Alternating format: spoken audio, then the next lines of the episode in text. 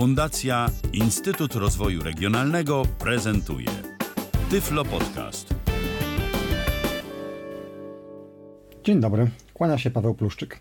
Dosyć dawno nie było mnie można usłyszeć na łamach Tyflo Podcastu, jednak epizodycznie powracam. Powracam z tematem krótkofalarstwa w wydaniu cyfrowym, aczkolwiek nie chodzi o dosłowne przesyłanie danych cyfrowych pomiędzy przykład komputerami z wykorzystaniem radia, a o łączności głosowe. Jako, że krótkofalarstwo również ewoluuje, no i wyewoluowało do tego stopnia, że pewne rzeczy po niewidomemu można oswoić, a tym samym się nimi z Wami podzielić.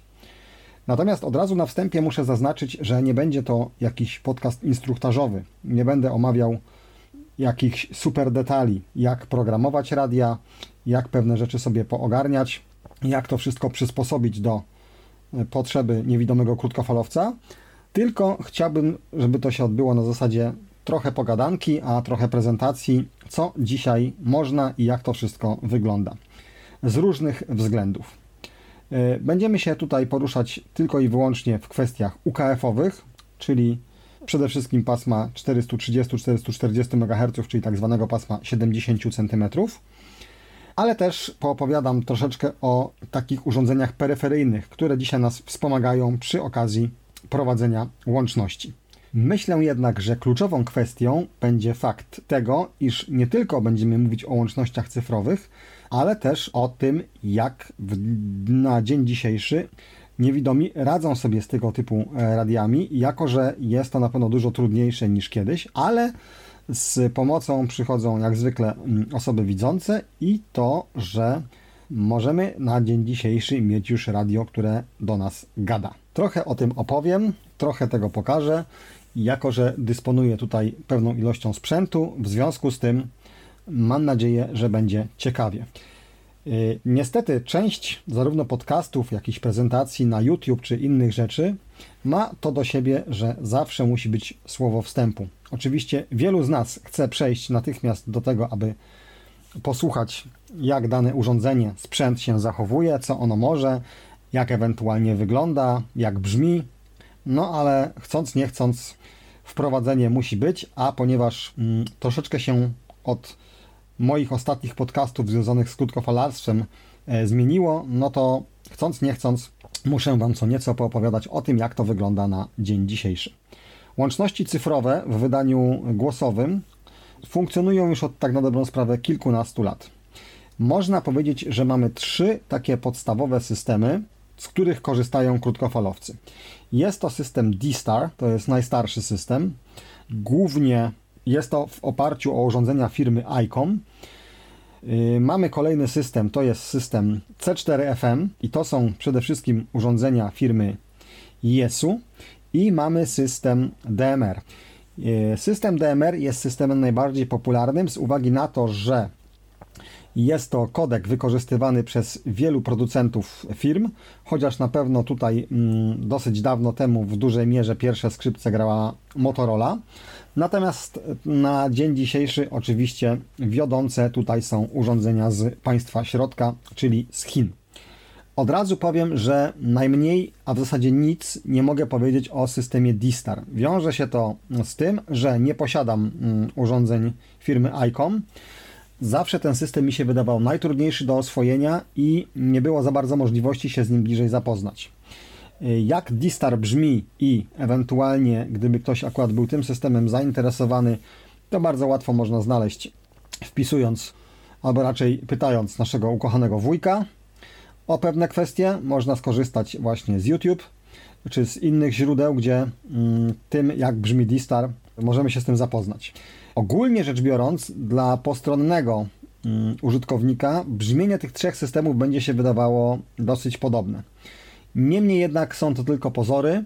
W dużej mierze bierze się to stąd, że o ile w wypadku systemu D-Star i mm, C4FM od Yesu. E, to są urządzenia trochę wyższej klasy. Są to wszystko sprzęty japońskie, więc tutaj kwestia dopracowania tego wszystkiego stoi na wyższym poziomie niż w wypadku urządzeń DMR. Po pierwsze, kodek audio w DMR jest troszeczkę inny. Poza tym, e, same urządzenia, ponieważ są to urządzenia z Chin, nie są to sprzęty najwyższej jakości, ale z kolei właśnie największą zaletą DMR-a i jego popularności, bo nie ma co ukrywać, że jeżeli chodzi o system e, DMR, to jest to najpopularniejszy system wśród krótkofalowców na ten moment. Oczywiście mówimy o UKF-ie. Jest jego taniość. E, radio można już kupić za kilkaset złotych, zarówno jeśli chodzi o sprzęt e, ręczny, jak i sprzęt tak zwany mobilny, przewoźny.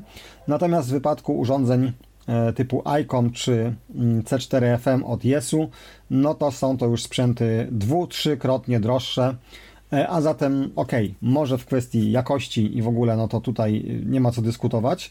Natomiast w kwestiach takich dostępnościowych, trafienie, jak to się kolokwialnie mówi, pod strzechy, no to DMR rządzi i nie ma tutaj absolutnie z czym polemizować. To jest absolutny number one.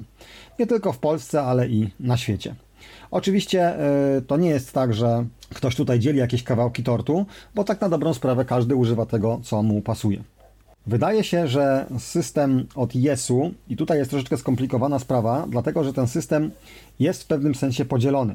Rodzaj modulacji, czyli to, co powiedziałem o C4FM, tak, tak jak mamy załóżmy FM, AM, to na pewno wielu z Was kojarzy, to tutaj właśnie mamy C4FM, to jest rodzaj modulacji. Natomiast mm, ten system od Yesu podzielony jest na jakby dwie kategorie. Mamy tak zwany system Wireless X, jest to system, który w Japonii funkcjonuje i w Stanach Zjednoczonych już od bardzo wielu lat, nawet w formie analogowej, czyli to jest łączenie się e, w granicach systemu pomiędzy różnymi mm, przemiennikami, przekaźnikami itd. Tak Oczywiście w oparciu o internet, ale mamy też system YSF, czyli, czyli Yesu System Fusion. I to jest system wykorzystywany głównie przez tak zwane hotspoty, o czym jeszcze za chwileczkę powiem. Przy okazji wcześniejszych podcastów przewinął się temat urządzeń firmy Baofeng, czyli mm, taniego chińskiego e, producenta, który właśnie produkuje radia na różne okazje. Dlatego, że te Baofengi to są urządzenia tak zwane mm, krótkofalówki, jakie gdzieś tam możemy kupić do jakiejś taniej łączności pomiędzy kilkoma użytkownikami przy okazji y, jakiegoś, nie wiem, wyjścia w góry, wyjazdu gdzieś i tak dalej, czyli jakieś tam urządzenia typu PMR. E, urządzenia dla krótkofalowców, najczęściej są to urządzenia ręczne, czyli kolokwialnie rzecz ujmując krótkofalówki. I oczywiście urządzenia właśnie cyfrowe w oparciu o ten system DMR, co w ostatnich latach e, właśnie w wypadku Baofenga mm, miało miejsce. Był tutaj już na łamach Tyflo Podcastu prezentowany sprzęt Baofenga, e, tyle tylko, że mm, były to urządzenia typowo analogowe, czyli działające w systemie modulacji FM. Natomiast Kluczową tutaj sprawą było ich częściowe udźwiękowienie, czyli mieliśmy po, wgrywane do tego urządzenia pewne sample, które pozwalały nam się po części poruszać po menu, dokonywać pewnych ustawień itd. Tak Natomiast w wypadku dzisiejszych urządzeń, tych o których będę wspominał, sytuacja wygląda już zupełnie, zupełnie inaczej. Jednak yy, idąc chronologicznie, powiem, że ja sam, gdy zacząłem się interesować mm, możliwością łączności cyfrowych, jako że yy, przyszedł taki moment, że FM stawał się coraz mniej popularny, dużo się nad tym zastanawiałem. Jak to się mówi, research internetowy, rozmowy z ludźmi i tak dalej. Natomiast yy, ci, którzy śledzą pewne tematy, czy też w określonych branżach chcą się jakoś odnaleźć, mają świadomość tego, że tak naprawdę bardzo ciężko jest pośród y, osób widzących trafić na kogoś, kto podejdzie do tego w sposób właściwy. Nawet jeżeli ktoś dziś słyszał o jakimś udźwiękowionym sprzęcie, czy o jakichś rozwiązaniach wspierających osoby niewidome, to jest na zasadzie takiej troszkę jedna baba drugiej babie, tak? Czyli gdzieś ktoś, coś komuś, niemniej jednak, żeby dotrzeć do sedna, to trzeba się naprawdę nieźle napocić i naszukać tych informacji, aby właśnie do tego sedna dotrzeć. I podobnie było ze mną. W dużej mierze na początku interesował mnie system DMR, no bo było to tanie, ale tak naprawdę nikt mi nie umiał nic powiedzieć. Gdzieś ktoś słyszał, że sprzęt Motorola po części jest udźwiękowiony, że on coś tam odczytuje i tak dalej. Natomiast mm, nikt nie umiał mi powiedzieć, jak to dokładnie z tym jest. Więc zarzuciłem ten temat i skierowałem się do sprzętów firmy Yesu. Ponieważ sam od lat używam sprzętów tej firmy, zarówno jeśli chodziło o urządzenia e, mobilowe do zastosowania w domu i na przykład w samochodzie, do prowadzenia łączności w FM-ie poprzez e, czy to przemienniki, czy e, łączności bezpośrednie, no to mm, wiedziałem, że są to sprzęty solidne, wiedziałem, że są to sprzęty, które jakoś niewidomy może oswoić, więc pomyślałem sobie, że podobnie będzie w wypadku właśnie C4FM. I tak się faktycznie stało. Najpierw oczywiście musiałem trafić na kogoś, kto takiego sprzętu używa, dopytać o szczegóły, e, poprosić, mimo tego, że były to osoby widzące, które no, korzystają z tych sprzętów w nieco inny sposób, o spróbowanie postawienia się w mojej sytuacji, czyli może nie na zasadzie obsługi radia z zamkniętymi oczami, ale o sprawdzenie rozwiązań, które gdzieś tam mi chodzą po głowie, które gdzieś tam wynalazłem, czy to słuchając YouTube'a, czy gdzieś tam coś czytając i jak to się faktycznie sprawdza. I okazało się, że ten system od Yesu, czyli system e, Wireless X oraz YSF, to są najprostsze dla osoby niewidomej do ogarnięcia kwestie. E, wynika to w dużej mierze z tego, że sam system jest pomyślany, aby był bardzo prosty. Tak na dobrą sprawę użytkownik potrzebuje tylko mieć zasięg przemiennika, który właśnie jest oparty o system Wireless X i wówczas może w sposób bardzo łatwy y, łączyć się już z całym światem. Oczywiście jest to wszystko wspomagane internetem. Wszystkie te systemy cyfrowe, czyli D-Star, mm, DMR i system od Yesu, y, opierają się w znacznej mierze na internecie. Oczywiście sama technologia DMR, D-Star, mm, C4FM pozwala na prowadzenie łączności bezpośrednich, czyli pomiędzy dwoma użytkownikami, którzy posiadają tylko i wyłącznie radio i antenę. E, I oczywiście jakość wtedy tej cyfrowej łączności jest odpowiednia. Natomiast każdy z tych systemów tworzy swego rodzaju globalną sieć. Oczywiście wszystko to jest oparte o internet i za pomocą internetu ten nasz głos jest przesyłany do drugiego użytkownika. Oczywiście ma to tę zaletę, że nie za bardzo ogranicza nas zjawisko propagacji, nie za bardzo ograniczają nas kwestie związane z e, tym, czy dysponujemy jakimiś potężnymi zestawami antenowymi, czy mamy w swoim zasięgu 1, 2 czy 10 przemienników, tylko w zasadzie można skorzystać z y, urządzeń, które wspomagają nas w tej łączności i wówczas w zasadzie cały świat stoi przed nami otworem.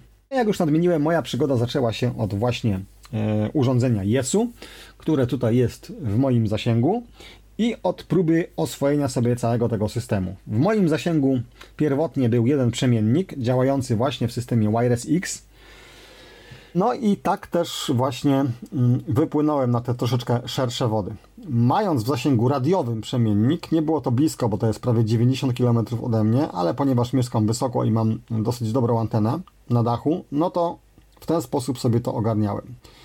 Dopiero gdy wszedłem w ten system, zacząłem poznawać ludzi, którzy z tego korzystają, dowiedziałem się o wielu innych rzeczach, o czym za chwilę, które pozwalają na to, aby korzystać z tego systemu, niekoniecznie mając dostęp do jakiegoś e, przekaźnika.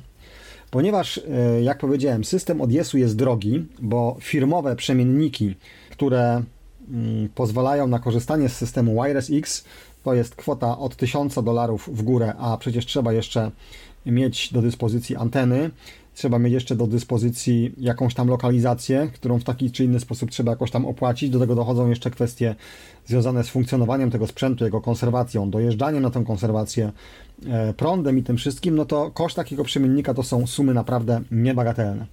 W związku z tym fabrycznych przemienników e, Wireless X w Polsce jest zaledwie kilka.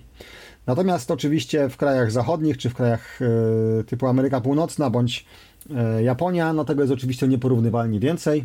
Wiadomo, inne źródła finansowania, inne też e, zasoby, co nie zmienia faktu, że i tak ten system jest systemem bardzo fajnym, dlatego że rozwijał się od dawna.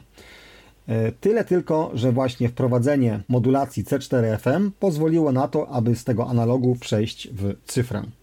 Oczywiście komuś, kto w jakikolwiek sposób miał do czynienia z e, cyfrowym przekazem dźwięku, nie muszę niczego tłumaczyć. Każdy z nas na dzień dzisiejszy mm, zmierzy się z tym, dlatego że oglądając na przykład telewizję, czy to jest telewizja satelitarna, czy to jest telewizja kablowa, czy to jest telewizja naziemna, wszyscy dzisiaj korzystamy z telewizji cyfrowej. Wielu z nas, o czym oczywiście na łamach e, Tyflo Podcastu można się było przekonać niejednokrotnie, korzysta również z cyfrowego radia tradycyjnego, DAB+. A więc tutaj w dużej mierze wygląda to bardzo podobnie. E, krótkofalowców również dotykają te same bolączki związane z e, cyfrowym dźwiękiem, które dotykają zwykłego użytkownika radia czy telewizji. Ten sygnał cyfrowy ma sporo zalet, bo jest czysty, bo jest klarowny. Oczywiście wszystko jest kwestią odpowiedniego czy to bitrate'u, czy kodeka i tak dalej. E, natomiast no, podlega pewnym obostrzeniom, tak?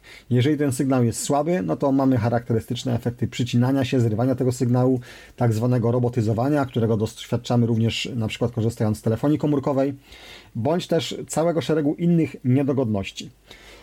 Pamiętamy wszyscy, że system analogowy, no bo przecież radia tradycyjnego możemy również dzisiaj słuchać w formie analogowej, no to ten system jest y, pod wieloma względami lepszy, tak? Możemy mieć spory szum, możemy mieć zakłócenia, ale coś tam zawsze wychwycimy. Natomiast w przekazie cyfrowym, jeżeli coś się urwie, no to jeżeli ten sygnał jest na tyle słaby, że nie ma szans, aby on jakoś sam się wznowił, no to przekaz się y, traci. I oczywiście w krótkofalarstwie jest bardzo podobnie. To wszystko wygląda nieco inaczej, bo oczywiście jest to jakby zupełnie inna ranga tego wszystkiego. Są to dużo mniejsze moce, są to inne kodeki dźwięku, są to inne rozwiązania. Niemniej jednak w wypadku tych kwestii właśnie związanych z cyfrowym przekazem głosu, no to mamy do czynienia z wieloma tymi samymi bolączkami, których doświadczamy na co dzień, e, korzystając na przykład z telewizji naziemnej, czy to z przekazu satelitarnego, na przykład przy deszczowej pogodzie bądź przy śnieżnej zimie, jak również korzystając właśnie z cyfrowego radia, tak zwanego broadcastingu, czyli e, tradycyjnej radiofonii, tyle tylko, że właśnie w wymiarze mm, cyfrowym. I to wszystko składa się na to, że jest to rozwiązanie bardzo dobre, dlatego że jeżeli sygnał e, ma jakiś poziom, dlatego że jeżeli obie strony spełnią pewne określone warunki, no to jakość tego dźwięku jest naprawdę przyzwoita. Nie ma szumów, nie ma trzasków, nie ma zakłóceń e, takich y, potocznych, z jakimi mamy do czynienia, korzystając właśnie niegdyś z telewizji analogowej, czy obecnie z analogowego radia. Natomiast oczywiście z wyżej wymienionych względów nie zawsze to wszystko dochodzi do skutku i nie zawsze to wszystko przebiega idealnie. E, przekonamy się mm, o tym, jak będę prezentował te poszczególne rozwiązania, jak one brzmią, że są sytuacje, w których ten dźwięk jest bardzo dobry, ale są też sytuacje, w których ten dźwięk jest mm, naprawdę kiepski, właśnie z uwagi na to, że mamy słaby sygnał, że nie możemy się gdzieś tam dobić, że nie możemy ten, tego naszego przekazu z odpowiednią mocą nadać, no i wtedy e, dochodzi do przerw, dochodzi do mm, szarpania tego dźwięku, dochodzi do różnych sytuacji, które sprawiają, że nie możemy mówić absolutnie o żadnym komforcie łączności. Wracając do wspomnianego przeze mnie sprzętu Jesu, obsługa jest e, dlatego taka prosta, że bazujemy w oparciu o najbliższy e, przekaźnik, czy też urządzenie, które nas wspomaga, o czym, jak powiedziałem chwilę wcześniej, jeszcze będę mówił. I na dobrą sprawę, wiele rzeczy możemy wybierać z klawiatury. Radio z nami się nie komunikuje w sposób głosowy, ale komunikuje się w sposób dźwiękowy.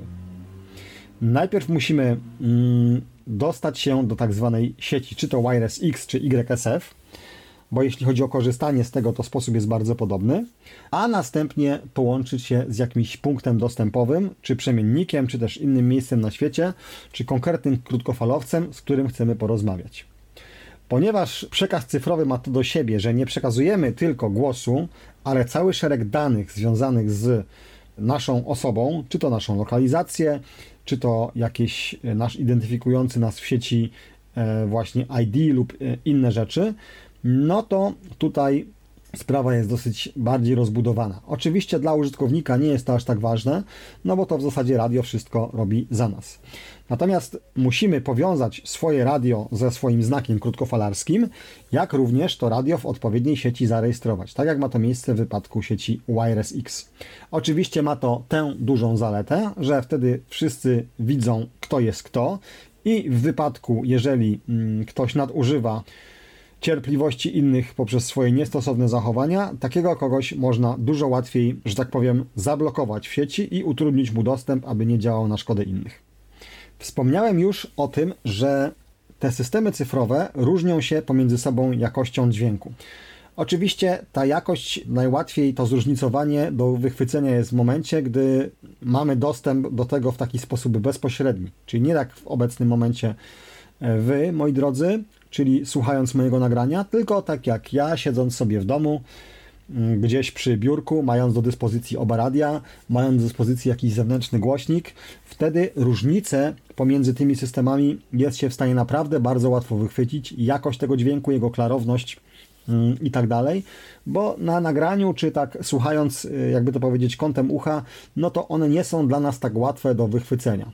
Kluczową tutaj kwestią jest też sprzęt, na jakim tego wszystkiego słuchamy. Dlatego, że jeżeli e, korzystamy z jakiegoś taniego sprzętu chińskiej produkcji, nie wspierając się jakimś głośnikiem zewnętrznym i tak dalej, to te różnice będą dużo bardziej łatwe do wychwycenia. Natomiast gdy korzystamy ze sprzętu trochę lepszego, w dodatku skorzystamy z jakiegoś głośnika, który ma odpowiednią impedancję, który jest odpowiednio sprofilowany pod to, żeby właśnie przekazywać e, głos w tym szczególnym paśmie, jak również kwestia właśnie liczby omów i tak dalej, co się wiąże z tym, jak e, to wszystko jest przekazywane do odbiorcy końcowego, czyli do nas, no to też tutaj są to kwestie e, całkiem spore, jeśli chodzi o różnice, dlatego że łatwo jest to zauważyć w momencie, gdy słuchamy tego samego na sprzęcie najtańszym i najprostszym, a na sprzęcie już trochę bardziej zaawansowanym, jeszcze w dodatku wyposażonym w jakiś porządny firmowy głośnik, który właśnie jest zbudowany w taki sposób, aby to pasmo przenoszenia było najbardziej odpowiednie dla tego źródła dźwięku.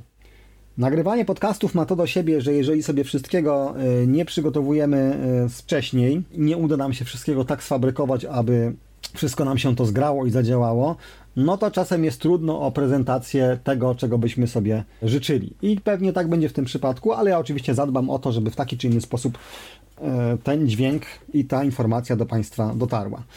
Pora troszkę tutaj po, poklikać różnymi rzeczami i pokazać, jak to wygląda. Ja w tym momencie uruchamiam sprzęt IES-u. To jest urządzenie dosyć już stare, bo jest to model FTM100DE. Urządzenie się włączyło i teraz cóż, to jest radio, które działa w dwóch systemach, czyli w systemie analogowym, klasyczny FM krótkofalarski, e, jak również w systemie cyfrowym, czyli właśnie w systemie z kodekiem modulacji C4FM, e, czyli Wireless X i YSF.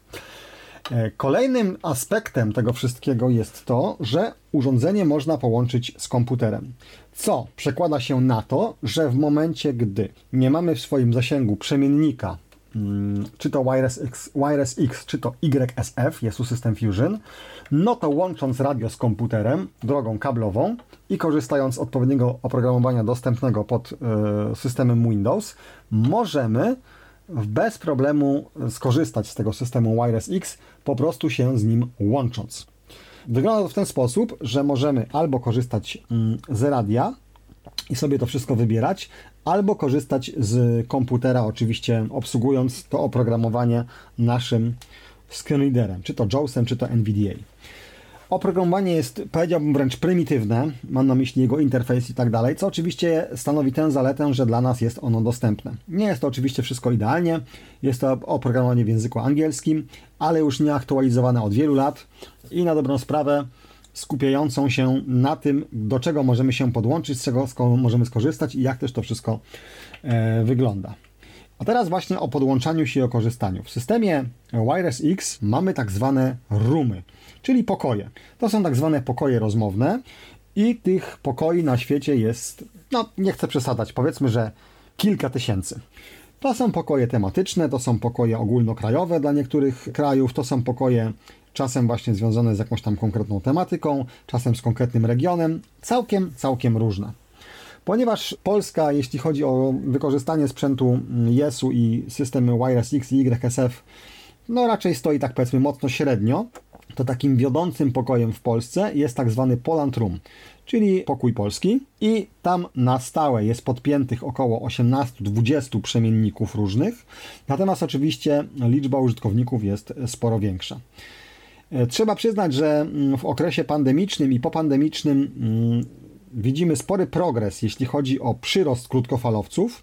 Ten czas tego siedzenia w domu i tak dalej sprawił, że wielu ludzi zaczęło się tym tematem interesować. Na pewno sporo bym przesadził, gdybym powiedział, że krótkofalarstwo przeżywa renesans. Mm, nie byłoby to właściwe określenie, na pewno byłoby to duże nadużycie. Niemniej jednak można zaobserwować, że w ciągu ostatniego roku czy dwóch spokojnie do grona krótkofalowców dołączyło kilkadziesiąt czy nawet kilkaset osób, co jak na polskie warunki jest e, liczbą całkiem dużą. No i właśnie, niektórzy e, szukają swojej drogi cały czas, testują sobie różne właśnie te systemy. Sporo osób wybiera system właśnie od Jesu z uwagi na bardzo dobrą jakość, a jednocześnie prostotę obsługi. Prostota obsługi, którą w zasadzie mm, każdy jest sobie w stanie przyswoić, a co e, jest istotne w naszym wypadku, łatwo jest z tego korzystać. Bo jak już powiedziałem wcześniej, łączymy mm, radio z komputerem i z poziomu radia, oczywiście przełączając je w odpowiedni tryb, co z y, klawiszologii jest łatwe do ogarnięcia. Mm, możemy się do tego systemu Wireless X podłączyć, a następnie przy wykorzystaniu odpowiednich funkcji, o czym zaraz powiem, podłączyć się do konkretnego miejsca. Tak więc chwilę było wcześniej słychać, że włączam radio. Zrobię to jeszcze raz, żeby odpowiedni dźwięk tam trójtonowo wybrzmiał. Właśnie, radio mamy włączone ja teraz łączę się z systemem Wireless X. Oczywiście wciskam odpowiedni klawisz i będzie słychać, że następuje połączenie. Teraz wysyła zapytanie. O właśnie. I teraz tak, być może było słychać włączający się na chwilę wentylator, wentylator radia, to tak działa.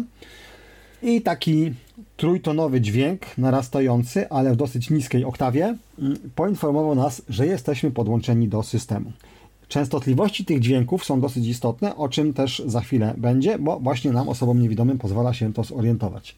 Oczywiście w tym momencie na ekranie urządzenia mamy pewnie odpowiedni komunikat informujący nas o tym, że jesteśmy podłączeni do sieci Wireless X. I teraz wspominałem przed chwilą o tym, że w tej sieci mamy tak zwane pokoje. Każdy z tych pokoi ma swój indywidualny numer ID. Co jest o tyle istotne, że korzystając z klawiatury mikrofonu, możemy, znając ten numer ID, podłączyć się do wybranego pokoju. Jeżeli chcemy korzystać z komputera, czyli sterować radiem z poziomu komputera, to wtedy możemy sobie oczywiście zrobić to w podobny sposób, czyli wchodząc w odpowiednią funkcję w oprogramowaniu wpisujemy numer ID, damy, dajemy połącz i się łączymy, ale też możemy sobie przeglądać listę tych roomów, każdy z nich jest w jakiś tam sposób opisany. Nie chcę się skupiać na tym oprogramowaniu, które nam umożliwia, ono też nazywa się Wireless X, Y, umożliwia sterowanie radiem, bo uważam, że kluczowe tutaj jest radio. Skupiamy się na sprawach krótkofalarskich, nawet jeżeli to wszystko jest wspomagane internetem. Nawet jeżeli dla wielu, a jest taka opinia, że takie krótkofalarstwo wykorzystujące cyfrową formę przekazu dźwięku, to już nie jest krótkofalarstwo, a w szczególności oczywiście mm, tutaj chodzi o kwestię internetu, czyli wspomaganie się z internetem ogołaca to krótkofalarstwo z tego całego piękna i i tego wszystkiego, co się wiąże mm, z tym naszym hobby, no to, no cóż, no, każdy ma prawo do swojej opinii. Ja oczywiście również y, wolę tradycyjne łączności, bezpośrednio jeden radioamator do drugiego radioamatora, amatora, przepraszam, ale y, no, postępu na szczęście nie da się zatrzymać, więc taka jest cena tego postępu. Komputer mi się tutaj odezwał, za co przepraszam. Teraz go tu sobie wyciszę. A więc właśnie, połączyliśmy się z siecią Wireless X. Wspomniałem, że takim wiodącym pokojem w kraju nad Wisłą to jest Room Poland. On ma swój identyfikator. Ja teraz biorę mikrofon do ręki, przechodzę w tryb wprowadzania tego numeru ID. O właśnie. Wpisuję pięciocyfrowy kod. Jak słyszymy, każda cyferka ma inny dźwięk. Dla osób z słuchem absolutnym to by już w ogóle było łatwe do rozkminienia, bo wiedzieliby, co kto wprowadza. Zatwierdzamy i za chwilę przekonamy się o tym, że połączymy się z tak zwanym Polantrumem. Chyba, że nie. O właśnie, miał być dźwięk trójtonowy, ale że ktoś tu sobie akurat gada, no to był dźwięk dwutonowy, bo już poszła transmisja audio i tak to wygląda. A więc teraz próbka tego, jaki jest dźwięk na systemie Wireless X. No, tak jak wspomniałem, wyśmienicie tu leci, także nie ma żadnego problemu. Dzisiaj tak patrzę tutaj, ale raczej chyba będzie, e, chociaż chmur tutaj spro. Generalnie, no dzisiaj tak troszeczkę chłodniej tutaj patrzę na mój e, termometr 120 stopni tak wskazuje, ale... To jest kolega, który korzysta w tym momencie z zestawu Bluetooth słuchawkowego bądź nagłownego do komunikacji. Niestety, tak jak w wypadku na przykład korzystania z Whatsappa czy z innych miejsc, e, wróć, z innych jakichś rozwiązań właśnie przy wykorzystywaniu na przykład słuchawki Bluetooth, ten dźwięk jest bardzo okrojony. Odpowiedni kodek audio nie jest jakoś właściwie przekazowany. I teraz tutaj jego korespondent brzmi tak. Przyłka, u mnie też 20 stopni, niebo więc idealne, żeby troszkę odetchnąć od tych upałów, które nas e, męczyły. mogę pozazdrościć e, szerokiej drogi, e, miłej przejażdżki e, i wszystkiego dobrego. Dziękuję za łączność. Do usłyszenia. Super, również dziękuję za łączność. No fajnie, że Ci się odezwałeś. Chyba pierwszy raz ze sobą tutaj. To jest kolega SP3 Olga Celina Grażyna, który w tym momencie jedzie sobie na motorze, korzysta oczywiście z kasku i w tym kasku ym, ma takie urządzenie właśnie do komunikacji Bluetooth z radiem. Posiada pewnie jakieś tam ręczne urządzenie i z tego ręcznego urządzenia właśnie łączy się również tutaj z y, tą siecią. Być może ktoś tu jeszcze zawoła, ktoś tu się być może jeszcze odezwie. A tutaj koledzy się żegnają. I tak to właśnie wygląda, jeśli chodzi o system Wireless X. System YSF jest bardzo podobny, tylko on opiera się o coś innego. Natomiast technologia przekazu dźwięku w zasadzie jest, ta, ta jakość dźwięku w zasadzie jest taka sama. Oczywiście, tak jak w wypadku y, sprzętów różnych, z których korzystamy, czy to na przykład y, z telefonów, czy mikrofonów, czy coś takiego, no, tutaj również ma to wszystko niebagatelne znaczenie. To nie są sprzęty profesjonalne, o czym musimy sobie powiedzieć w sposób jednoznaczny, że w zasadzie przy wykorzystaniu sprzętów profesjonalnych ten dźwięk jest prawie wszędzie taki sam. Jasny, czysty, klarowny, wyraźny, o odpowiednim paśmie przenoszenia i tak dalej. Tutaj różni ludzie korzystają z różnych sprzętów, każdy też ma inną barwę głosu, każdy też mówi trochę inaczej, ktoś ma wadę wymowy, ktoś nie, więc trzeba sobie powiedzieć, że tutaj jakość tego przekazu też jest bardzo różna. Tutaj chłopaki dalej rozmawiają. Grzesiek w mikrofonie. I tak jak wspomniałem, tutaj Robertowi jadę, jadę motorem. e, Tutaj w okolicy jego miasta okrągłego, bez kantów koła. Ale tutaj jadę się przejechać, trochę przewietrzyć wokół komina. E, Proszę bardzo, Mike do Ciebie, to pan Piotr Trójka, Olga Cezarkus, e, Mobil. Proszę bardzo. I zaraz powiem, czemu tak go przerywa. SP3 OCG, SP9VN. E, witam Cię. E, bardzo miło Cię usłyszeć. I mam takie pytanko, ponieważ ja też bardzo dużo jeżdżę na motorze i e, też próbowałem to tak wszystko teraz właśnie kluczową kwestią, y, poza tą jakością mm, audio, jest też kwestia tego przerywania i tak dalej, tak? Y, Oczywiście składa się na to kilka czynników, y, że ten nasz głos jest przerywany i tak dalej, jak to właśnie przy transmisji cyfrowej. E, Czasem jest to po prostu za mała moc z naszej strony do najbliższego przekaźnika. Czasem od strony przekaźnika też coś zawiedzie, czasem zawiedzie też internet. Ale kluczową kwestią, do której teraz dochodzimy, przy wykorzystaniu różnych systemów w krótkofalarstwie jest gadżet, który pojawił się i w zasadzie zmienił krótkofalarstwo bardzo mocno. Y, Zdaniem niektórych jest to rewolucja, zdaniem niektórych jest to jakaś taka degrengolada totalna, ale o tym za chwilę. Dla wielu to, o czym opowiem, jest w zasadzie mm, być albo nie być. Na pewno każdy z Was spotkał się z terminem hotspot. Możemy mieć hotspot w swoim telefonie, czyli na przykład y, mamy komputer bez karty Wi-Fi, a mamy zasięg w telefonii komórkowej i wtedy możemy za pomocą właśnie hotspota, włączając odpowiednią funkcję w naszym urządzeniu, udostępnić internet e, naszemu laptopowi. Podobnie e, z takimi tak zwanymi hotspotami e, jakimiś tam, prawda, miejskimi, czy w jakichś sieciach handlowych i tak dalej. Daje nam to dostęp do pewnych funkcji. I krótkofalowcy również używają hotspotu. Są to urządzenia o różnym stopniu skomplikowania, różnych cenach i różnym stopniu zaawansowania. Od kilkuset złotych do powiedzmy tysiąca kilkuset, czy podchodzące pod 2000, ale to urządzenie ma w sobie takie mikroradio, czyli my mamy swój sprzęt krótkofalarski, na przykład urządzenie ręczne, hotspot łączymy z wybraną siecią, czy to DMR, czy to DSTAR, czy YSF. Hotspot jest podpięty do internetu, czy to przez Wi-Fi, czy po kablu.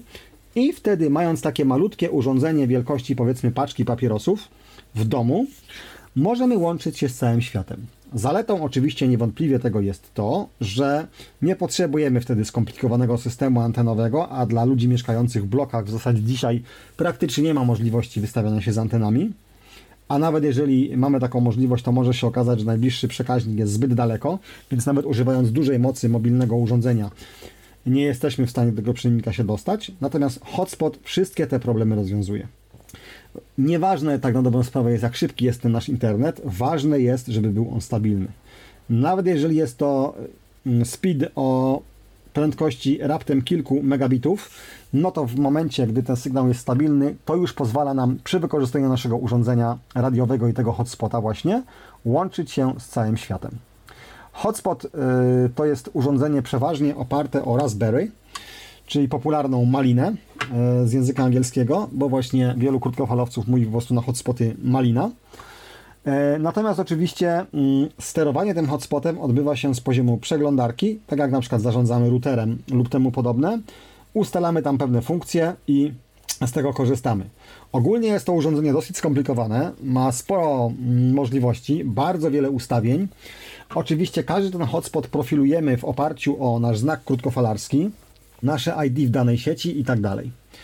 E, ja takich hotspotów mam kilka. Mam takie hotspot, to mam taki hotspot, który jest troszeczkę większy i korzystam z niego w domu, na przykład po, mam go podłączony na stałe kablem do routera, ale mam też miniaturowy hotspot, e, który jest urządzeniem przenośnym. Mogę go sobie wrzucić do jakiejś saszetki, podłączyć do powerbanka przez złącze mikro USB i na powerbanku o pojemności kilku tysięcy miliamperogodzin taki hotspot może w zasadzie chodzić cały dzień. Jak powiedziałem, jest to takie mini radio. Hotspot pracuje mocą rzędu kilkunastu chyba około 10 mW, także jest to w zasadzie moc znikoma, ale ponieważ mamy go cały czas przy sobie, my mając radio ręczne, możemy również pracować z najmniejszą mocą tego radia. I taka moc wystarczy na to, żeby powiedzmy radia używać przez dzień czy dwa, nawet jeżeli tych łączności robimy dosyć dużo. Oczywiście wtedy z takim faktycznie prawdziwym krótkofalarstwem ma to bardzo mało wspólnego, no bo wykorzystujemy w zasadzie tylko i wyłącznie internet. Droga radiowa odbywa się tylko przy połączeniu naszego radia, aby sygnał z naszego radia dotarł do hotspota, gdzie później jest przekazywany do internetu, ale właśnie dzięki temu e, będąc na jakimkolwiek wyjeździe, czy u kogoś w gościach, czy nawet w podróży, bądź w jakiejkolwiek innej sytuacji, w zasadzie mamy dostęp do tego wszystkiego, co mamy e, w swoim domu, na swoim większym radiu. Czyli ja przy wykorzystaniu takiego hotspota i ręcznego urządzenia bez problemu mogę tutaj skorzystać z tych wszystkich dobrodziejstw, które nam to daje i nawiązać łączność z kimkolwiek na świecie, co mi tylko tam w duszy gra. Czyli bez problemu, będąc teraz gdzieś poza domem, mógłbym dostać się do systemu, który tutaj prezentowałem przed chwilą i skorzystać właśnie z tego wynalazku, aby porozmawiać tutaj z kolegami, którzy sobie gdzieś tam właśnie jadą na motorze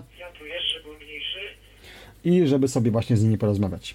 To wszystko, o czym mówiłem przed chwilą, zmierza do tego, mm, żeby pokazać Wam, że właśnie ten e, krótkofalowiec, o którym wspomniałem, czyli SP3 Olga Cezary Grażyna, jadący sobie na motorze, o czym wspominał, ma właśnie również telefon komórkowy, udostępnia z niego Wi-Fi swojemu hotspotowi, no i przy wykorzystaniu radia korzysta z tego hotspota. Jadę teraz może tak, wiesz, przepisowo 90 na godzinę, e, taką kombą cruiserem, który jest notabene dosyć głośno, nie jest aż taki, I te drobne przerwy, które, tutaj słyszymy, wiążą się w dużej mierze z tym, że kolega przemieszcza się, jak powiedział, z prędkością około 90 km na godzinę, więc dosyć stale zmienia się jego zasięg telefonii komórkowej, tak? która to telefonia komórkowa jest źródłem internetu. No więc w związku z tym, tak samo jak my jedziemy, mm, załóżmy w pociągu czy samochodem i rozmawiamy z kimś przez telefon, y, są momentami takie półsekundowe czy nawet sekundowe przerwy, co w pewnym sensie utrudnia nam zrozumienie mm, drugiej strony, ewentualnie drugiej stronie nas, ale oczywiście łączność, że tak się wyrażę, no jakaś tam jest, tak? Coś tam czasem jedno, dwa słowa umknie, ale oczywiście sedno sprawy pozostaje z nami. Yy, taka kombinacja, czyli hotspot, telefon komórkowy i radio, no to już jest dosyć złożona sprawa w tym sensie, że oczywiście trochę tych gadżetów trzeba ze sobą mieć, no ale w gruncie rzeczy, mm, jeżeli mamy to na jakimś yy, właśnie wyjeździe, gdzie jesteśmy w jakimś tam stałym punkcie, no to również nie ma problemu. Oczywiście w sytuacji, gdy dajmy na to, jesteśmy poza domem i sobie gdzieś idziemy, nie wiem, na spacer lub temu podobne, to też oczywiście jest taka możliwość, no bo telefon wrzucamy do kieszeni, radio mamy gdzieś tam w ręku, bądź na przykład przy pasku, a ten hotspot w jakiejś takiej małej saszetce gdzieś tam na ramieniu, czy również przy pasku, także wcale nie jesteśmy wtedy objuczeni jak wielbłądy, jakoś to tam sobie wszystko działa. Troszkę jeszcze posłuchajmy tego systemu Fusion. nie, tutaj musiałem jechać przełączył, przełączył hotspot pewno przez e, utratę e, internetu. E, no, ja jeżdżę Hondą e, VD 750 e, wersja Aero. To jest na nakazanie model chyba 2, bo tam były kilka tych modeli. I teraz tak, nie chcę tutaj mówić o różnicach pomiędzy systemem Wireless X a YSF, bo i tak komuś, kto w tym nie siedzi, niczego to nie powie. Natomiast system YSF, czyli Yesu System Fusion, jest o tyle lepszy, że stosunkowo łatwo jest budować e, przemienniki. Dlatego, że wystarczą dwa radia, jedno, które odbiera, drugie, które nadaje. Wystarczy swego rodzaju hotspot właśnie, który działa w technologii e, YSF, jest System Fusion.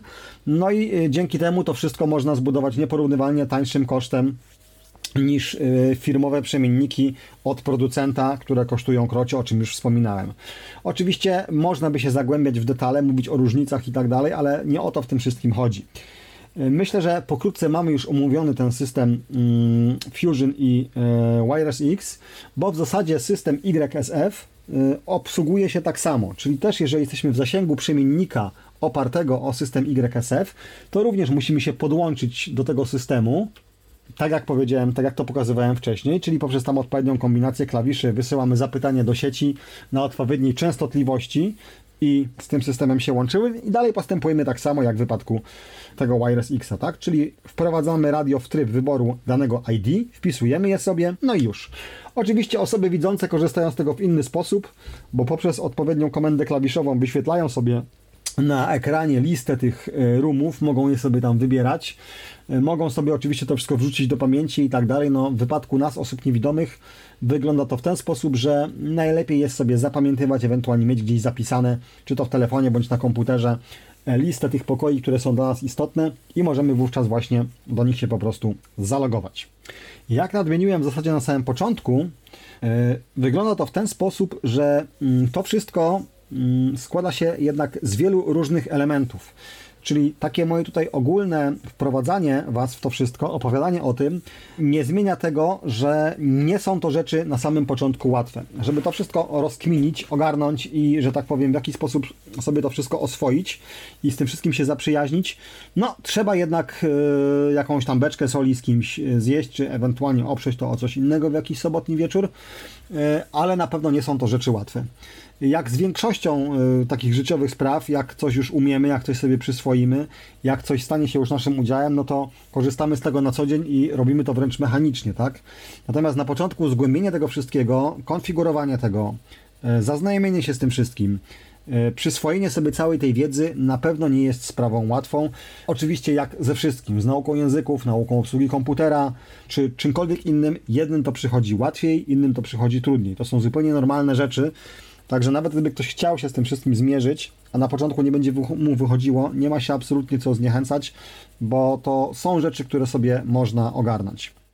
E, dźwięk słyszalny w tle, czyli szum wentylatora mojego urządzenia e, nadawczo-odbiorczego, e, to oczywiście wynika z tego, że tam cały czas jest prowadzona transmisja. Tutaj ten dźwięk przyciszyłem, oni cały czas tam sobie. Jakiś typowy, nie wiem, czy to ściga, czy to cały czas tam sobie gadają, więc ja tutaj troszeczkę to wszystko powyciszyłem, żeby nam to nie przeszkadzało. Jak powiedziałem, ja w tym momencie mam podpięte radio mm, do komputera. Ma to jeszcze tę zaletę, że wtedy nie potrzebujemy żadnej anteny. To jest urządzenie y, mobilowo-stacjonarne, czyli takie, które jest y, no, z zewnętrznym mikrofonem, y, takie, które możemy, nie wiem, mieć zamontowane w samochodzie, możemy mieć zamontowane w domu i tak dalej. Natomiast ono w odpowiednim trybie nie emituje, że tak powiem, e, fali radiowej, tak? Czyli ono działa mm, w takim trybie jakby wewnętrznym, swego rodzaju interkomu, tak? Czyli łączy się radio z komputerem poprzez kabel i korzystając z tego połączenia bezpośrednio ten sygnał idzie do tej sieci właśnie Wireless X i z tej sieci jest też odbierany. Co ma oczywiście również tę zaletę, że jest to urządzenie większe, z niego jest dużo lepszy dźwięk, możemy podłączyć głośnik zewnętrzny, mamy zewnętrzny mikrofon, nie musimy trzymać w dłoni całego radia, tak jak ma to miejsce z urządzeniem ręcznym. No i oczywiście tutaj, ponieważ jest to sprzęt, y, no powiedzmy firmowy, no to jakość tego, tego jesu jest całkiem przyzwoita. To, co tutaj pokazałem, było tylko próbką, tak? Tego, jak to wygląda w systemie Wireless X. Dużo zależy też od tego, jak to swoje radio ma ustawione. Jedni na przykład wysterowanie mają mikrofonu dosyć duże, inni trochę mniejsze, jednych słychać głośniej, innych słychać ciszej. Natomiast w momencie, gdybyś, gdybym miał tutaj okazję z kimś porozmawiać e, drogą bezpośrednią, czyli yy, korzystając, że tak powiem, z pośrednictwa fal radiowych i ktoś miał podobne urządzenie i przeszlibyśmy sobie w ten tryb właśnie cyfrowy, czyli C4 FM, no to jakość tego jest w zasadzie najbliższa y, takiego klasycznego FM z radioamatorstwa, najbliższa właśnie temu analogowemu systemowi ze wszystkich tych systemów cyfrowych, które ja słyszałem. Także tak to wygląda, jeśli chodzi o ten system Fusion, czy też system Wireless X, czy też ogólnie sprzęty od Yesu. Co w tym wszystkim tutaj, jeżeli chodzi o obsługę tego sprzętu, jest kluczowe? To jest właśnie to, że mamy różne dźwięki. Teraz się rozłączę z systemem, z tym Poland Roomem, też przez wydanie odpowiedniej komendy z poziomu mikrofonu, z klawiatury mikrofonu, jako że na, na mikrofonie mamy pełną klawiaturę DTMF. Właśnie. Ja się rozłączyłem. Mamy odpowiedni dźwięk o tym nas informujący. Teraz jeszcze raz się połączę.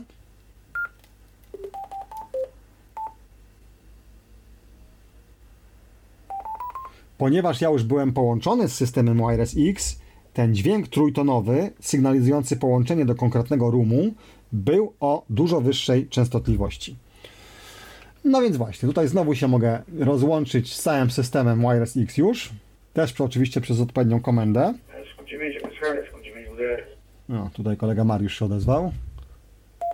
A właśnie, ja wyszedłem z systemu Wireless X.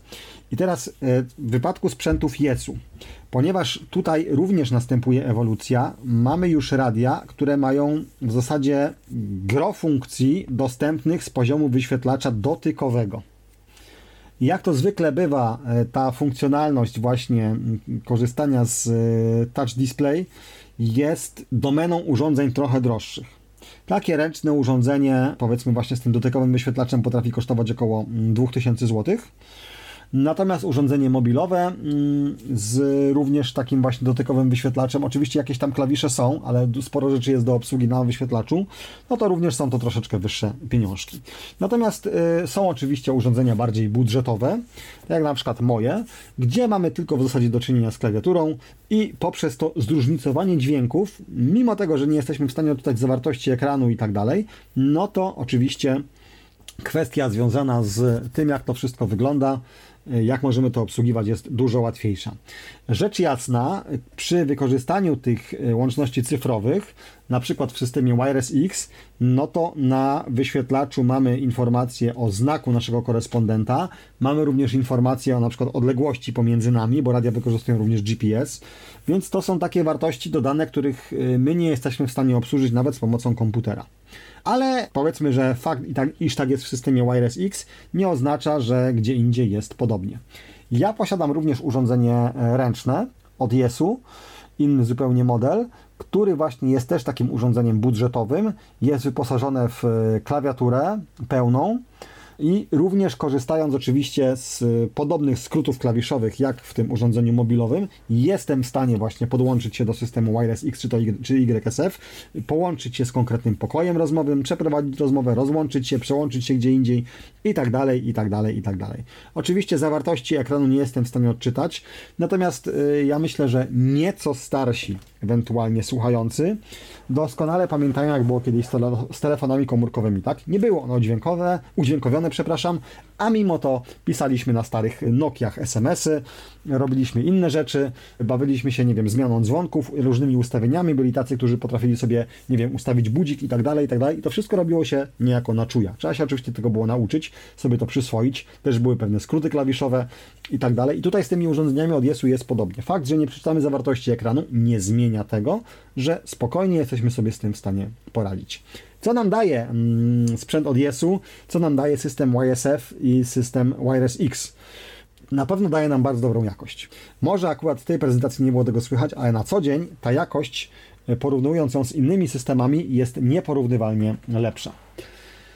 Jak nadmieniłem, słuchając tego z poziomu nagrania, mimo tego, że nagrywam się na mikrofonach binauralnych i tak dalej, no to jednak y, to wszystko są sprawy, które mm, no nie są tak wiernie przekazywane. To by trzeba sobie przy takim radiu usiąść, wziąć je do ręki, żeby sobie to móc porównać.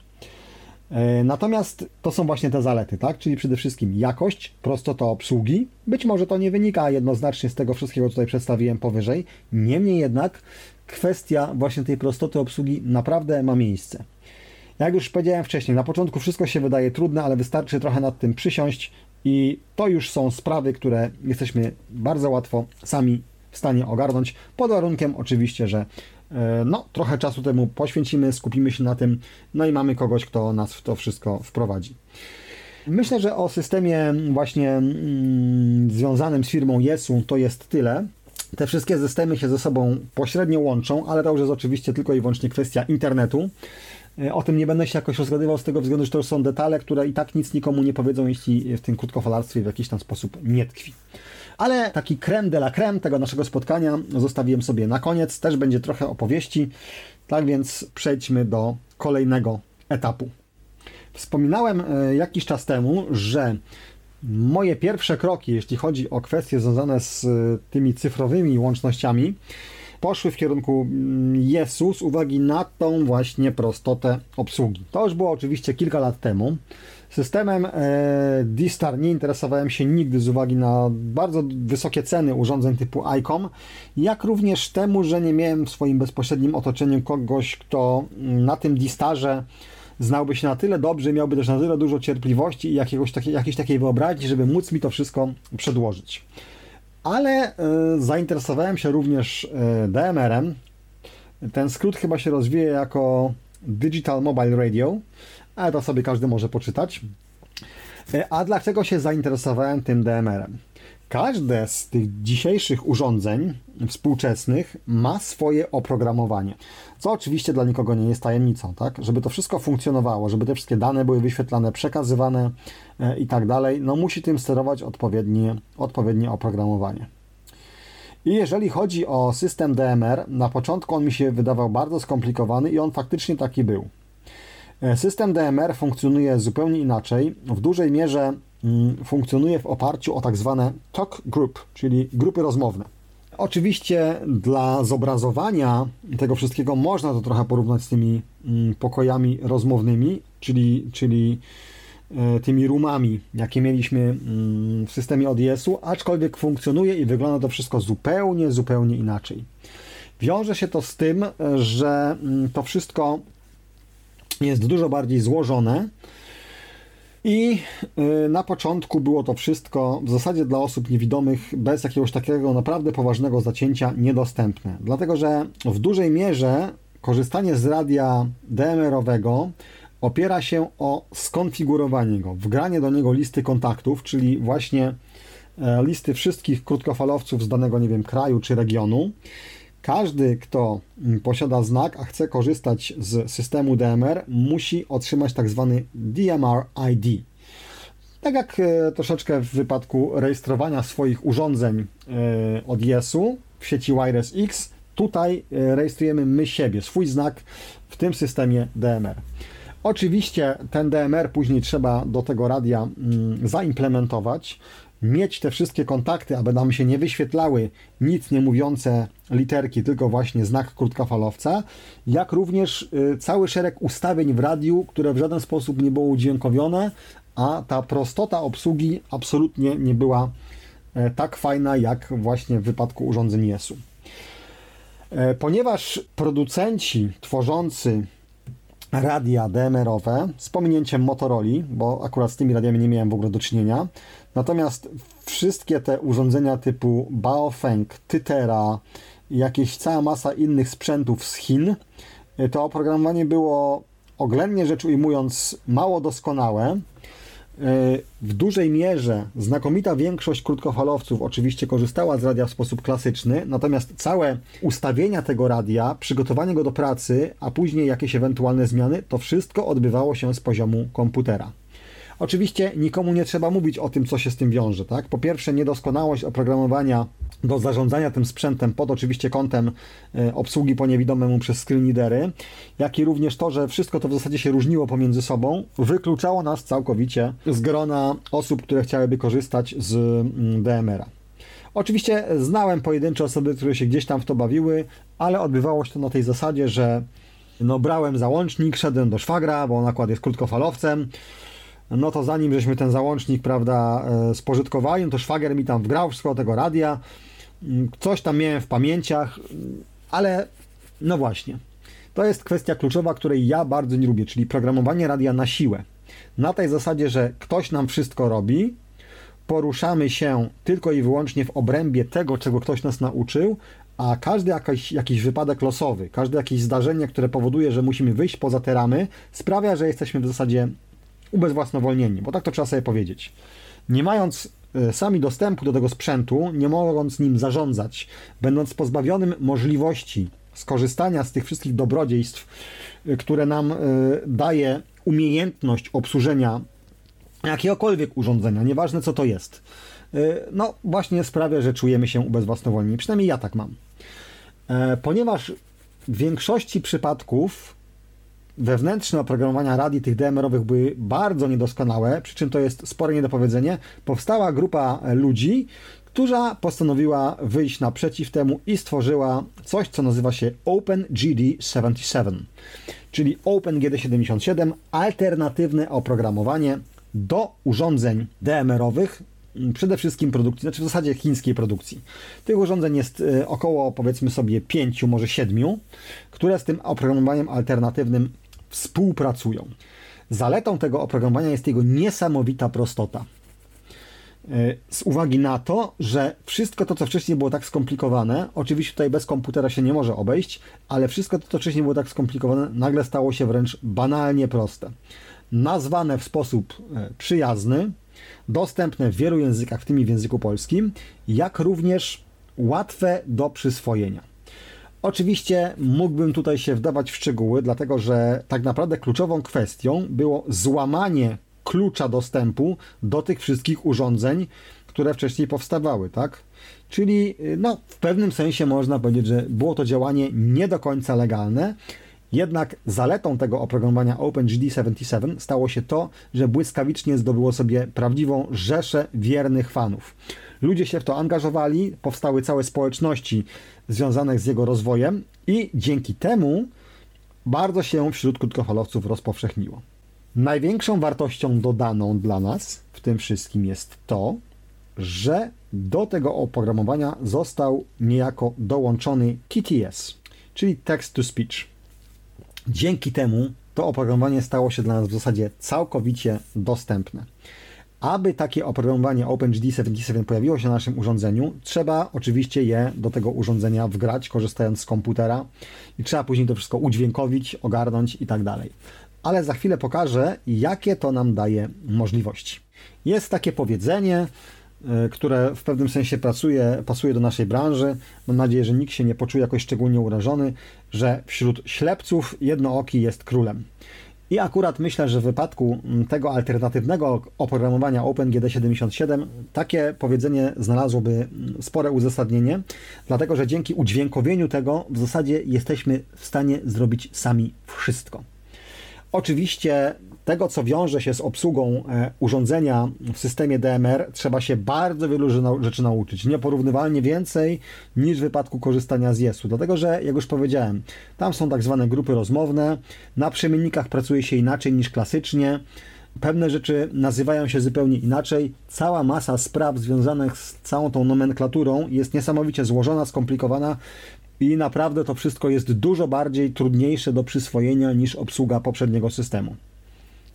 Niemniej jednak, po pierwsze, ponieważ DMR jest bardzo popularnym systemem w Polsce i na świecie, jest dużo łatwiej znaleźć materiały, które nam pozwolą sobie to przyswoić. Są informacje na YouTubie, są e, strony, gdzie to wszystko jest szczegółowo opisane, jest cała masa pomocy, którą gdzieś można znaleźć, którą w jakiś sposób tą wiedzę można sobie przyswoić i ogarnąć. A poza tym, dzięki temu, że radio czyta nam w zasadzie wszystko, o czym się za chwilę przekonamy, no to dużo łatwiej jest sobie to wszystko później samemu ogarnąć. Żeby nie było tak różowo, to trzeba sobie powiedzieć wprost, że e, oprogramowanie jest tworzone przez anglosasów, w dużej mierze przez Brytyjczyków i Australijczyków, co sprawia, że jest to wszystko e, najbardziej dostępne w języku angielskim. Same te TTS-y i komunikaty, które są odczytywane, zostały przełożone na wiele języków, między innymi na polski. Niemniej jednak zostało to zrobione za pomocą najbardziej popularnych tłumaczy internetowych, jak również bez możliwości sprawdzenia tego. Co się przekłada na to, że w niektórych sytuacjach dla języka polskiego dochodzi do niesamowitych przekłamań na takiej zasadzie, że mamy zupełnie inną funkcję menu, a zupełnie co innego czyta nam screen reader. Dopiero po wejściu e, w, kon w konkretną funkcję menu dowiadujemy się, że to nie jest to, co myśmy chcieli, tylko coś zupełnie innego. I są tacy niewidomi krótkofalowcy, którzy mówią, dobra, jakoś z tym żyję, nauczę się tych zmian, wiadomo, i tak jest dobrze, bo, bo wcześniej nic nam nie gadało, więc nie ma w ogóle o czym mówić, jakoś sobie to wszystko przyswoję. Ale na przykład ja zdecydowanie lepiej czuję się mając radio z dostępnym językiem angielskim, gdzie i tak większość terminologii krótkofalarskiej na dobrą sprawę wodzi się z języka angielskiego, tylko zostało to jakoś tam przeinaczone na, na język polski, czy wszystkie tam inne języki, żeby jakoś tam oczywiście w tym danym języku móc się posługiwać tym wszystkim. Natomiast yy, uważam, że podstawowa znajomość języka angielskiego i podstawowej nomenklatury w języku angielskim, jeśli chodzi o sprawy krótkofalarskie, sprawia, że obsługa radia w języku angielskim jest czystą przyjemnością. Ja to oczywiście za chwilę pokażę ale mm, właśnie kluczowe jest to, żeby sobie uświadomić, że nawet mm, takie błędy, oczywiście to wszystko da się naprawić, ale ja powiem szczerze, że ja nie mam do tego zacięcia, bo dałoby się to wszystko ogarnąć e, bo to wszystko jest edytowalne, dostępne i tak dalej, ale e, wolałem sobie przejść na język angielski, tym bardziej, że dla języka angielskiego dostępnych jest wiele mm, głosów i można sobie to dużo bardziej zróżnicować. Dla języka polskiego dostępny jest tylko jeden głos, i bardzo kiepsko to wygląda, natomiast dla języków y, różnych dostępnych jest wiele głosów, wiele prędkości, bo ten głos też trzeba do radia wgrać mm, i tak dalej, ale to oprogramowanie do zarządzania radiem, do wgrywania go jest w miarę dostępne. Długo się nagadałem, prawda? Wszyscy już tam pewnie przebieracie nogami, y, jak to wszystko wygląda. No to cóż, y, nadeszła wiekopomna chwila. Mm, włączmy sprzęt i posłuchajmy, jak to wszystko wygląda, jak to może gadać, jak to nie może gadać i co można zrobić. Ja mam świadomość tego, że komuś, kto nie ma do czynienia z krótkofalarstwem, to wszystko i tak niewiele będzie mówiło, więc ja nie będę się skupiał na nie wiadomo jakich detalach, aby wszystko pokazać i tak dalej. Chcę tylko w jakimś tam sensie zaprezentować Wam, jak to wszystko wygląda, bo mam świadomość tego, że wielu, którzy słuchają, nie jest krótkofalowcami, ale nie jeden z Was ma w domu jakiegoś Baofenga czy inne urządzenie, które właśnie poprzez te sample, o których wspomniałem wcześniej, które są gdzieś tam wgrane, pozwala się trochę obsłużyć. No to przekonajcie się, że e, to, co było kiedyś, ma się absolutnie nijak jak to, o czym za chwilę się przekonacie.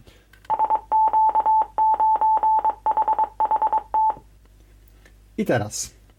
B, RIX 438.4875 MHz RIX 430.8875 MHz tryb DMR rozmowa 260.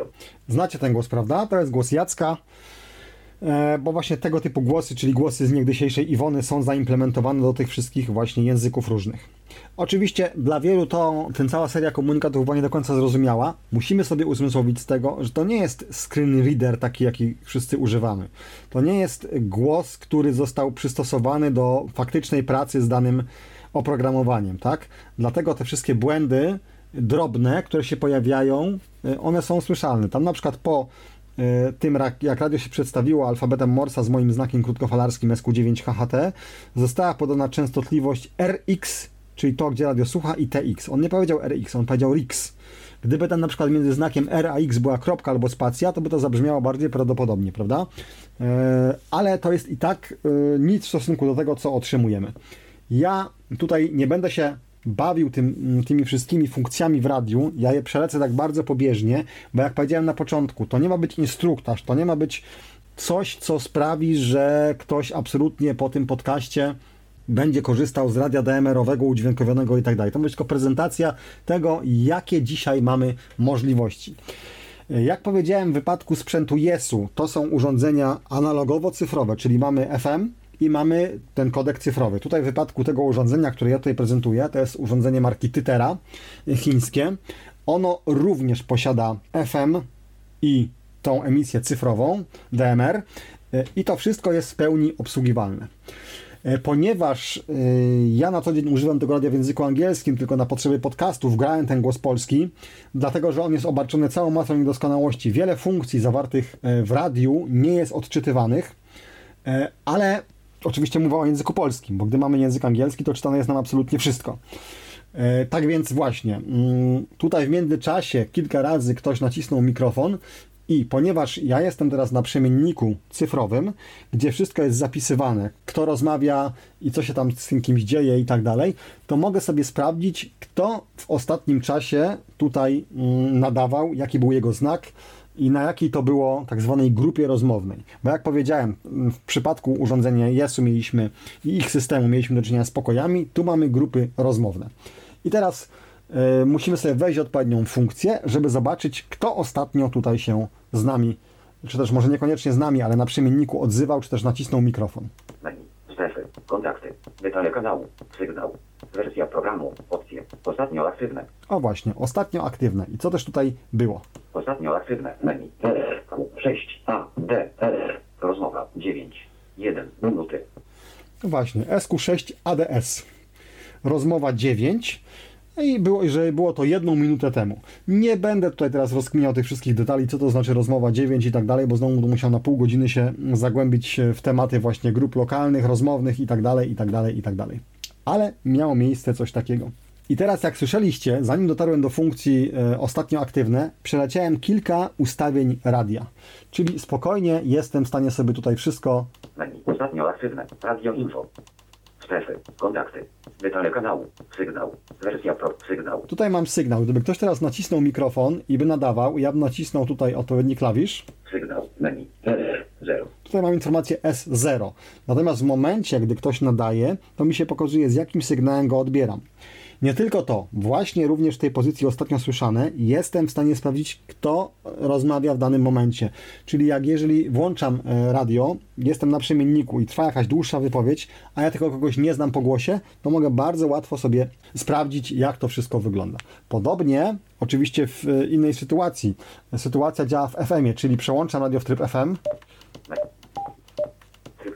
Tryb FM. I teraz oczywiście, ponieważ w FM mamy y, przekazywaną tylko nośną falę i, i dźwięk, nie mamy tej informacji cyfrowej, czyli kto, gdzie, jak nadaje i tak dalej, ale y, możemy też w pełni sterować radiem. Pokazuje nam częstotliwość, pokazuje nam, gdzie nadajemy, gdzie odbieramy, y, co się dzieje, jakie mamy ustawienia i tak dalej. Ja tylko to zademonstruję tak na szybko. Kręcę sobie gałką do wyboru częstotliwości. Radio można oczywiście ustawić w taki tryb, żeby każde przekręcenie e, gałką sygnalizowało nam, na jakiej jesteśmy częstotliwości, ale oczywiście dla mnie jest to bardzo wkurzające. W związku z tym e, naciskam odpowiedni klawisz i informuje mnie, na jakiej jestem częstotliwości. RX 438.6 MHz. 4. No właśnie, czyli jestem w FM na częstotliwości 438-600 MHz, czyli w paśmie 70 cm. Właśnie się włączył przemiennik.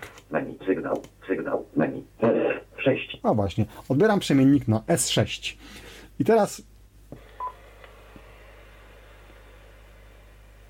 jestem w stanie sobie sprawdzić wszystkie ustawienia związane z pracą przemiennika. Każdy przemiennik w zasadzie w Polsce już dzisiaj FM-owy otwierany jest falą nośną, a emitowana jest tak zwana podnośna, czyli CTCSS, tak zwany subton.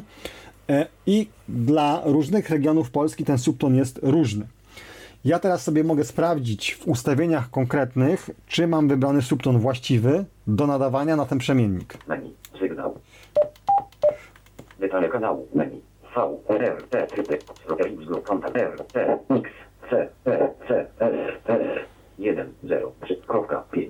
No, i- no i się zgadza. Y, Podnośna, czyli tak zwany subton o częstotliwości 103,5 Hz. Zatwierdzam to, naciskam mikrofon. To nie ten. Tu jest drugi. I uwaga. Teraz nacisnę trochę dłużej i przemiennik mi potwierdzi. No właśnie. Też był dźwięk włączającego się wentylatora. Mogę sobie tutaj sprawdzić, jak mocno mam ustawioną blokadę szumów. Słowicz 5. 0. Procent. Squelch 50%. No oczywiście nie, nie powie 50, tak? Bo ten TTS jest taki bardzo prymitywny, ale jednak do naszych potrzeb w zupełności wystarcza. Zmieniam sobie e, VFO, czyli odbiornik na prawy, lewy. VFO-B teraz mam, teraz sobie zmienię. V. A. 4. 3. 4. No, VFO-A. Wszystkie ustawienia związane z obsługą radia, z programowaniem pamięci, z jakimiś detalami takimi naprawdę bardzo szczegółowymi, wszystko jestem w stanie zrobić e, korzystając z tego udźwiękowienia. Jak powiedziałem, korzystam z języka angielskiego, bo tam wszystkie nowości związane z kolejnymi wersjami oprogramowania oraz właśnie z tym TTS-em są aktualizowane na bieżąco. To wszystko idzie ze sobą w parze. Co za tym idzie? Nie ma absolutnie problemu. Można korzystać z GPS-u, aby wysyłać swoją pozycję, aby ktoś widział, jaką ma odległość do nas i tak dalej, i tak dalej. Wszystkie możliwości związane z obsługą radia są dla nas dostępne. Oczywiście e, są takie kwestie, których nie jesteśmy w stanie e, ogarnąć sami, a to już są takie niuanse i takie detale, że ustawiamy to tylko raz, więc albo skorzystamy z czyjejś pomocy, albo no w jakiś inny sposób sobie to tam e, ogarniemy, tak? To oprogramowanie do zarządzania radiem też jest dosyć dostępne. Da się wgrać samodzielnie to alternatywne oprogramowanie, czyli to OpenGD77 i da się również później tym wszystkim zarządzać, bo są takie sprawy, które musimy zrobić na komputerze i później to wczytać do radia. I to wszystko się w zasadzie da zrobić. Trzeba tylko trochę samozaparcia. Tak więc tyle, jeśli chodzi tutaj o, o obsługę tego radia. No mógłbym tutaj Wam pokazywać więcej, jak to wszystko działa, ale mm, no myślę, że clue tutaj sprawy zostało mm, pokazane i jak to wszystko wygląda.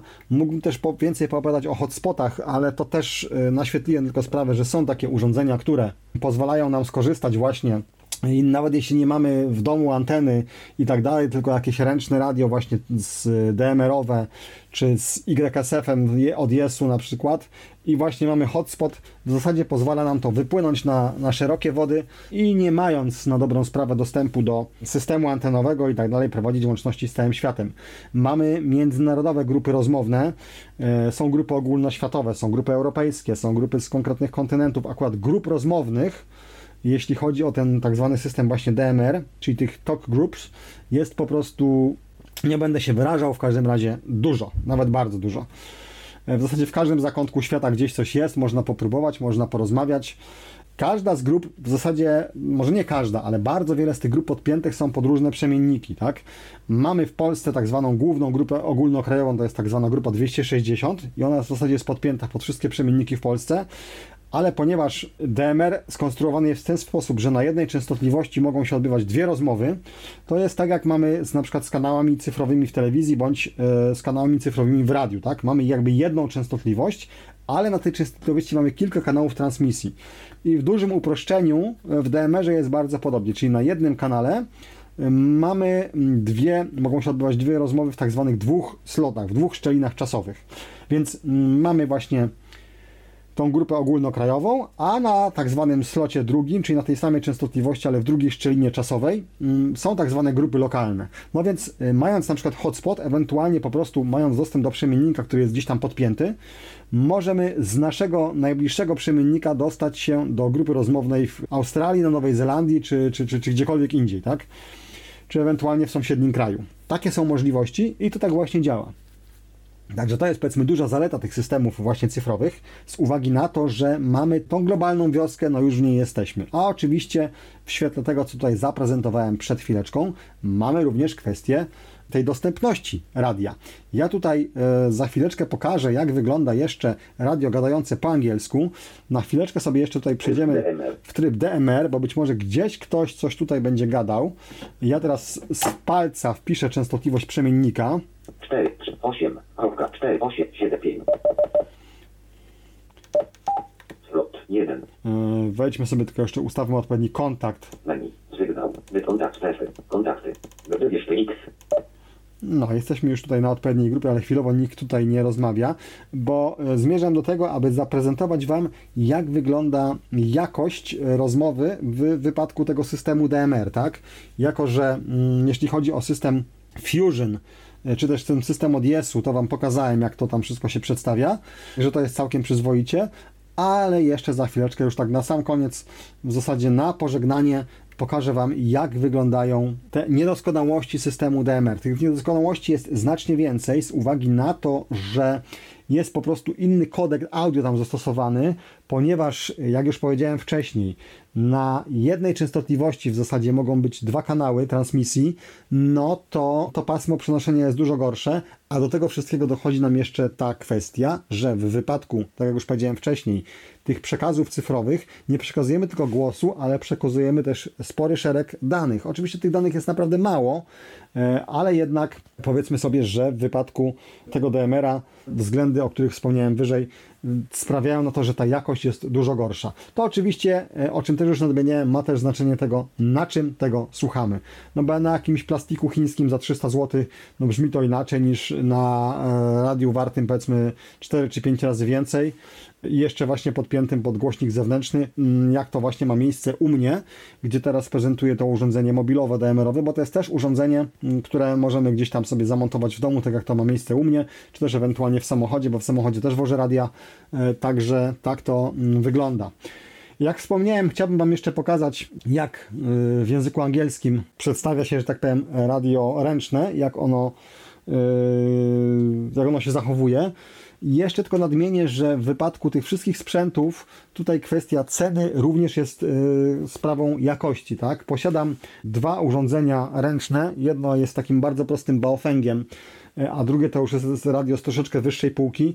No i jakość tych urządzeń jest w zasadzie nieporównywalna, zarówno jeśli chodzi o taką kwestię związaną z, jakby to ująć, bryłą tego urządzenia, tam jak ono nam leży w dłoni, jak są spasowane wszystko jego, jego elementy, jak działa klawiatura, no po prostu z taką e, jakością wykonania, e, ale też kwestia jakości związanej z tym, jak to urządzenie brzmi, jak ono słyszy, jak my z niego słyszymy, E, bo oczywiście mm, ten system e, tego alternatywnego oprogramowania OpenGD77 sprawia, że e, mamy, bo oczywiście przecież to jest tylko kwestia programu, tak?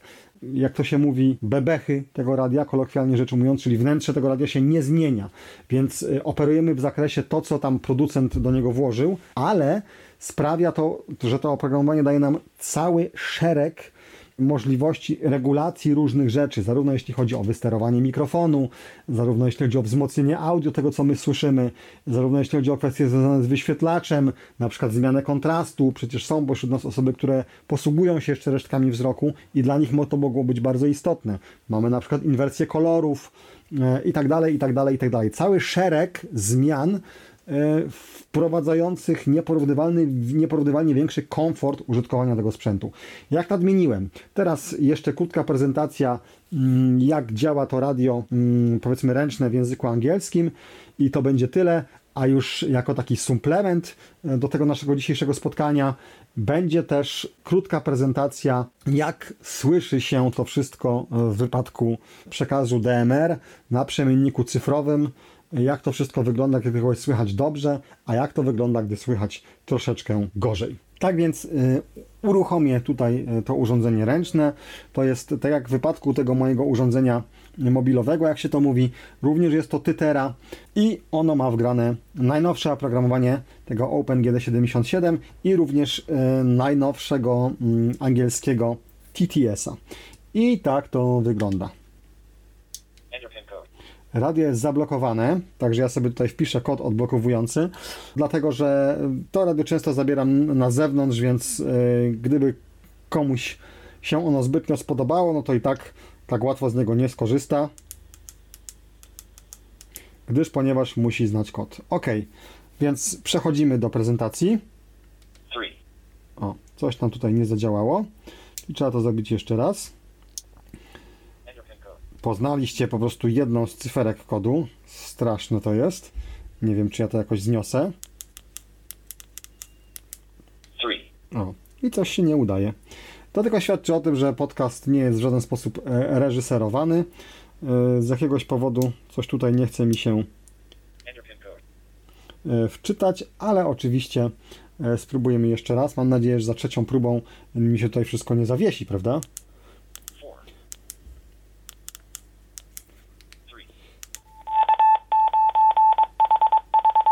I radio zadziałało. Przedstawiło się również moim znakiem. No i teraz właśnie krótka prezentacja, jak ono sobie gada.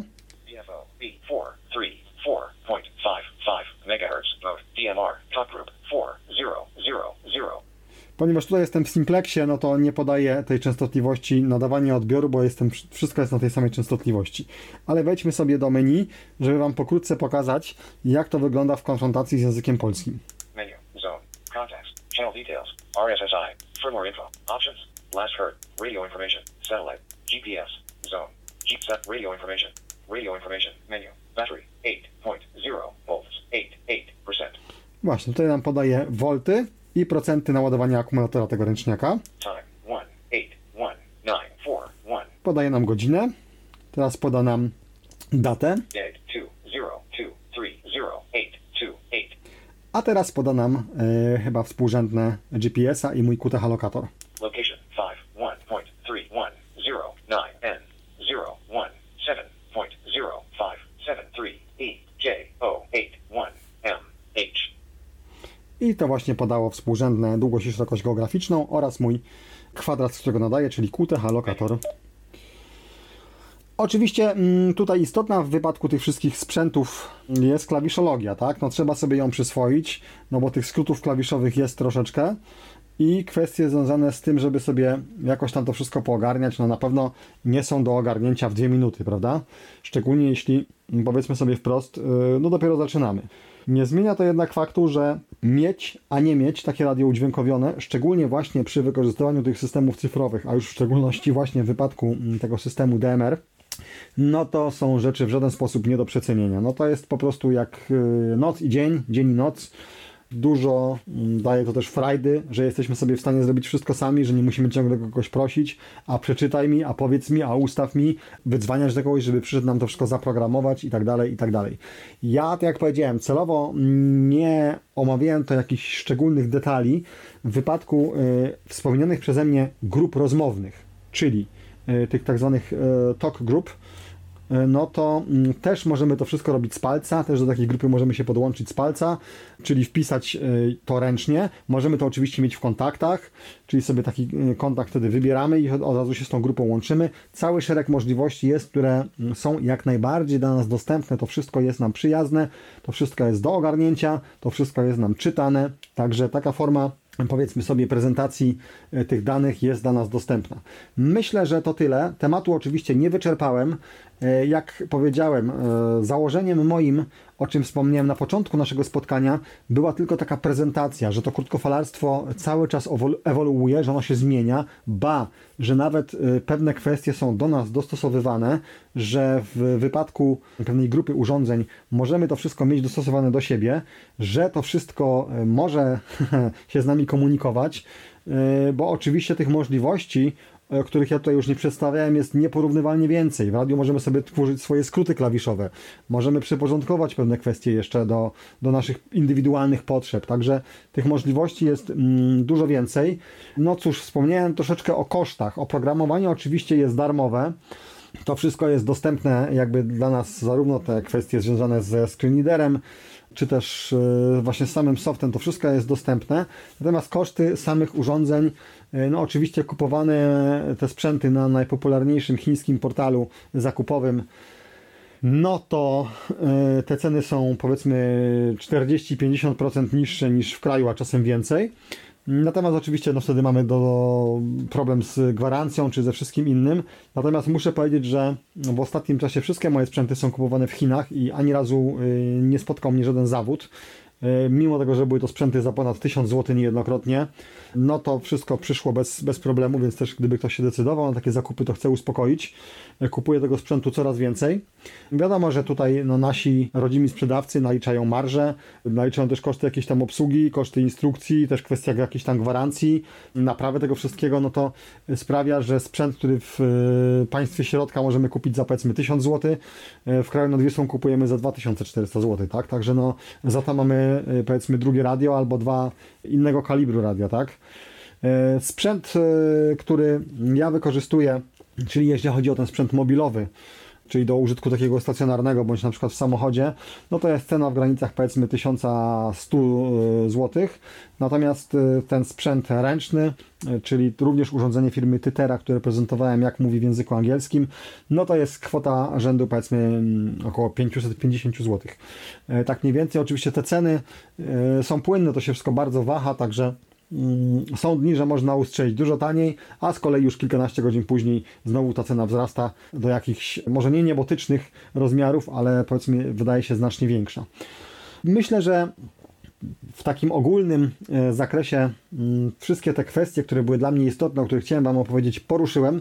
Przepraszam za wszystkie potknięcia i takie, mm, powiedzmy sobie, jakieś niedociągnięcia wynikające z tego, że coś się nie udało, coś tam nie chciało zadziałać i tak dalej.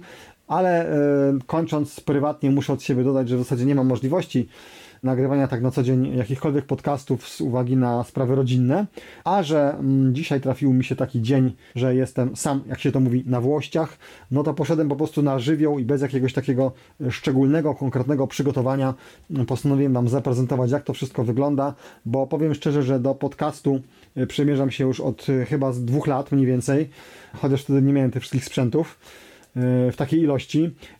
Były plany, aby ten podcast nagrać z jednym z kolegów krótkofalowców, też niewidomych, no ale też nie możemy się jakoś zgrać, bo to oczywiście nie mieszkamy obok siebie, więc e, to się wszystko niestety nie chciało jakoś ze sobą spotkać. Dlatego, e, gdy trafiła się okazja, to tak żywiołowo nagrałem Wam to wszystko, aby Wam pokazać, jak to wygląda. Tak więc raz jeszcze przepraszam za wszystkie te moje błędy, no wynikające też oczywiście w dużej mierze z tego, że od bardzo dawna nie miałem przyjemności się z Wami spotkać. E, tyle ode mnie. Ja już naprawdę Wam bardzo dziękuję.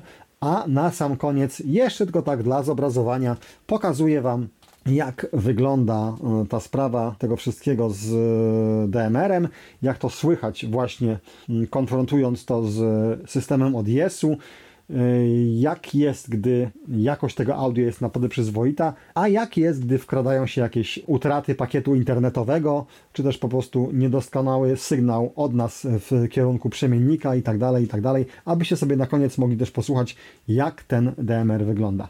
E, dziękuję serdecznie za wysłuchanie. Amatorskie 73 i do usłyszenia. Tak, Wyszku 16.47, 5 punktów SP3 MST, 7 PSP. Dyszku ST3 MST, tu SQ9 Energia.